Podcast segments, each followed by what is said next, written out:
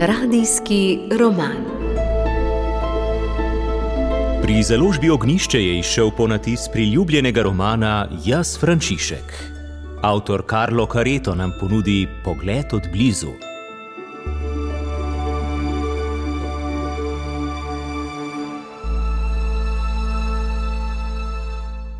Lepo pozdravljeni, spoštovani poslušalci, v novem nadaljevanju radijskega romana Jaz Frančišek.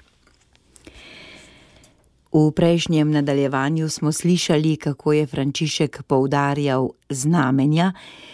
Še bolj bi želel že takoj na začetku postaviti znamenje dela za naš način redovniškega življenja, to da ni bilo mogoče. Plačano delo je bilo v mojem času pravo razkošje, kot je še danes za vas, da nimo služba v banki. Če smo hoteli zajeti uboge, smo morali sprejeti tudi beračenje in sprejeli smo ga v celoti. Ko smo postavili to znamenje, smo cerkvi pokazali, kje je problem. Ubogim pa smo s tem rekli: Pogum, z vami smo, niste sami. Danes pa je to znamenje preživelo in noben pameten redovnik ne bo čutil potrebe, da bi šel pobirati miloščino, medtem ko na poljih primankuje delavcev. Saj bi bilo res ne samo nesmiselno, ampak prava spotika, če bi se hotel preživljati z miloščino, ko pa si lahko vsakdanji kruh prislužimo z delom. Zato je danes primerno znamenje, ki ga postavimo tistim, ki ljubijo revne, delo, posebno če je trdo, umazano in slabo plačano. Škoda, da nekateri crkveni možje še vedno tako neprijazno gledajo na ročno delo duhovnikov. Pa jih je treba razumeti. Prihajajo iz šol, kjer so imeli delo kot nekaj nevrednega za plemenite stvari, za svete stvari. Gotovo gre tu za enega zadnjih ostankov preteklosti. Tudi stari Grki so prezirali ročno delo in meščanski svet nikoli ni kazal navdušenja do napora in do umazane delovne obleke. V mojem času bi se kakšen monsignor sramoval pokazati se na cesti z vrečo na ramah ali opravljati neko ročno delo na kakem gradbišču. Presenetljivo je, s kakšno lahkotnostjo crkveni svet pozablja na delavski rod Kristusa in prihaja do nesmiselnih sklepov, ki pogosto pribije, ni prav, da bi duhovnik fizično delal. To je huda trditev, saj se sliši podobno, kot če bi rekli: Ni prav, da je Jezus tesaril. Vse to vam jaz, Frančišek, pripovedujem brez kančka hudobije. Še drugo znamenje, ki so ga naši samostani takoj postavili, je bilo znamenje zatočišča, obrambe, pomoči vsakemu, ki je trpel. V mojem času se je vsak, ki so ga zasledovali, rešil tako, da se je zatekel v cerkev, kjer si ga nihče ni upal napasti z mečem. Tako so ubogi začutili, da so samostani zatočišča, kjer bodo našli kruh, tolažbo, prijateljstvo. To je bila res naša slava in moram reči, da je to znamenje olepšalo celotno crkvo. In to velja tudi danes. Vsaka krščanska hiša, vsak samostan, vsak škofijski dom naj bi imel odprta vrata, da bi mogel sprejemati ljudi, ki trpijo. In ta vrata naj bi bila dovolj vidna, in hiša naj bi revnih ne prestrašila s preveč razkošnimi sobami in z ogromnimi dvoranami, kar bi bilo prej znamenje bahaštva in moči, kot pa ponižnosti in resnice. V svojem nekoliko otroškem zanosu sem pogosto sanjal, da bi prodal Vatikan ter izkupiček razdelil med reveže potem bi mogel zaklicati cerkvi, da je treba začeti za res dejanji oznanjati Božjo besedo. Zdaj sem tudi sam bolj dozorel in se ne vznemirjam več, če vidim kakšen velik samostan, tako lahko hodim tudi okoli Vatikana, ne da bi se jezil.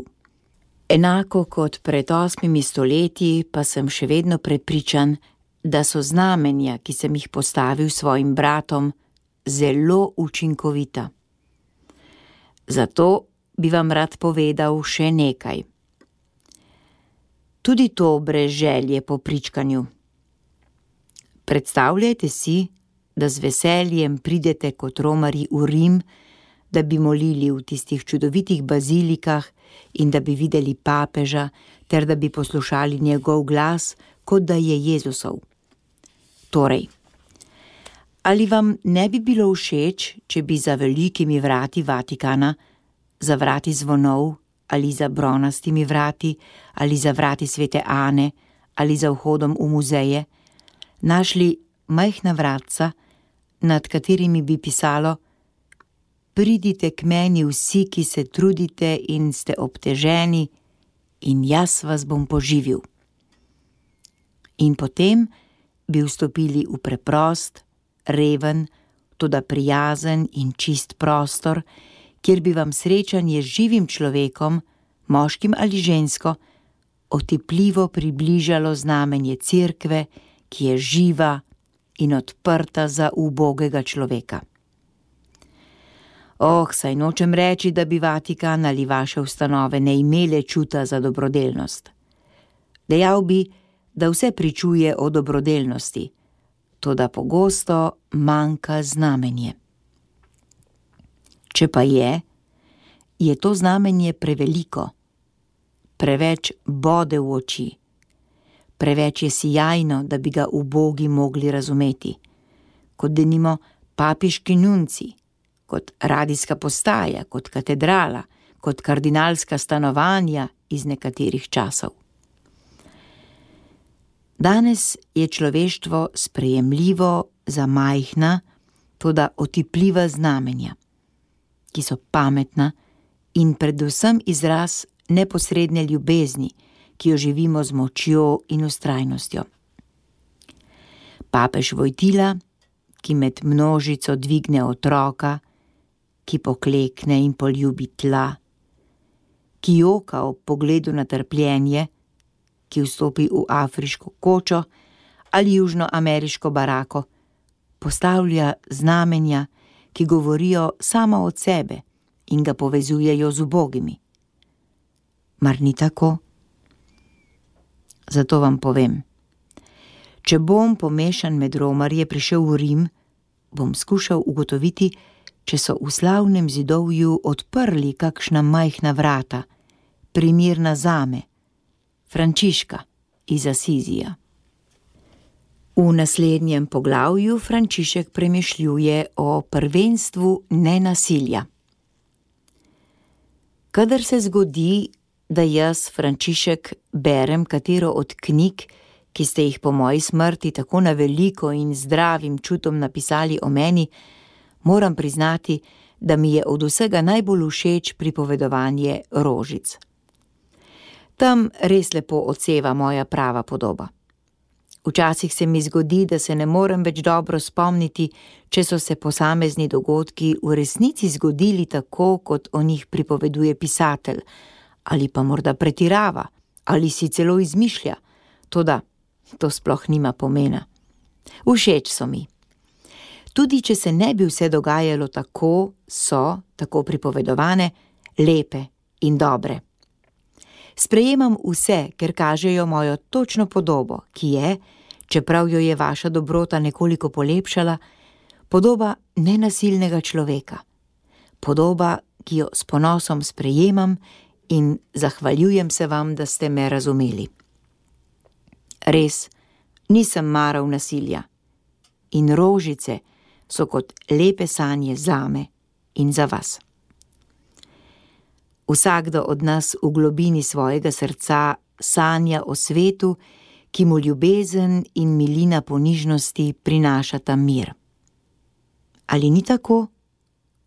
Kdo od vas se lahko tudi smeje ob zgodbici o volku, tudi če je bil otrok, zares otrok, potem je prav gotovo želel reševati težave tako, kot sem jih reševal jaz tisto jutro, ki je bilo zaradi zapadlega snega mrzlo. Koliko pripovedk je nastalo med ljudmi v zvezi s tem volkom, ki ga je preganjalo nasilje ljudi in ga je pestila lakota. Povedati vam moram, bratje, da sem o nečem podobnem sanjal že več let prej, ko sem bil še otrok.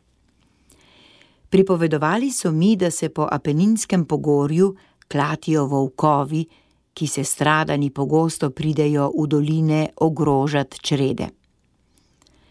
Takrat še nisem poznal Kristusa. Sanjal sem, da sem šel zveri naproti, oborožen samo z milobo in prijaznostjo. In zvir se je ustavila. Zdaj, ko sem spoznal dobrotljivost Kristusa, naj bi me bilo strah, mar bi se moral oborožiti s sekiro, ali bi naj želel gledati na gubijskih skalah kri, če tudi samo volčjo? Ne, bratje, ni me bilo strah. Ni me bilo več strah, odkar sem se prepričal, da je moj Bog tudi Bog volkov.